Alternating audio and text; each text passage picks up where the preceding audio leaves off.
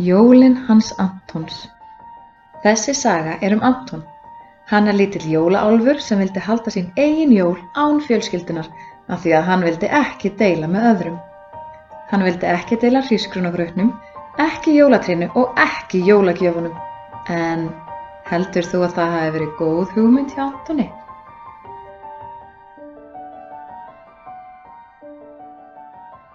Sjötti desember. Anton liggur í rúminu sínu og horfir upp í loftið. Hann er reyður við jólaálfa mömmu og pappa. Nú eru þau búin að gefa dýrnum á bænum bæði smákukur, hrísgrunagraut og pilsur. Allt þetta finnst Antoni mjög gott og hann hefði viljað borða þetta allt saman sjálfur. Hann stekkur fram á rúminu og setur á sig rauðu húfuna sína. Hann fer fram til mömmu. Mamma, það er dálitið sem við þurfum að tala um, segir hann. Mamma svarar ekki strax og Anton þrammar inn í stofu þegar hann heyrir að þar eru einhverjir að hlæja.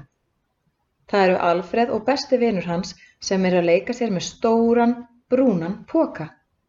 Já, þetta er eiginlega póki eins og jólasveitnin er vanur að hafa gjafirna sínar í. Kanski hann hafi komið snemma með gjafirnar þetta árið. Anton hleypur að pókanum og ítir strákunum í burtu. Fariði frá, segir hann og hoppar niður í pókan. Anton, hvað ert þú að gera? spyr mamma hissa. Ég er að leita gjöfunum mínum, svarar Anton innan úr pókanum.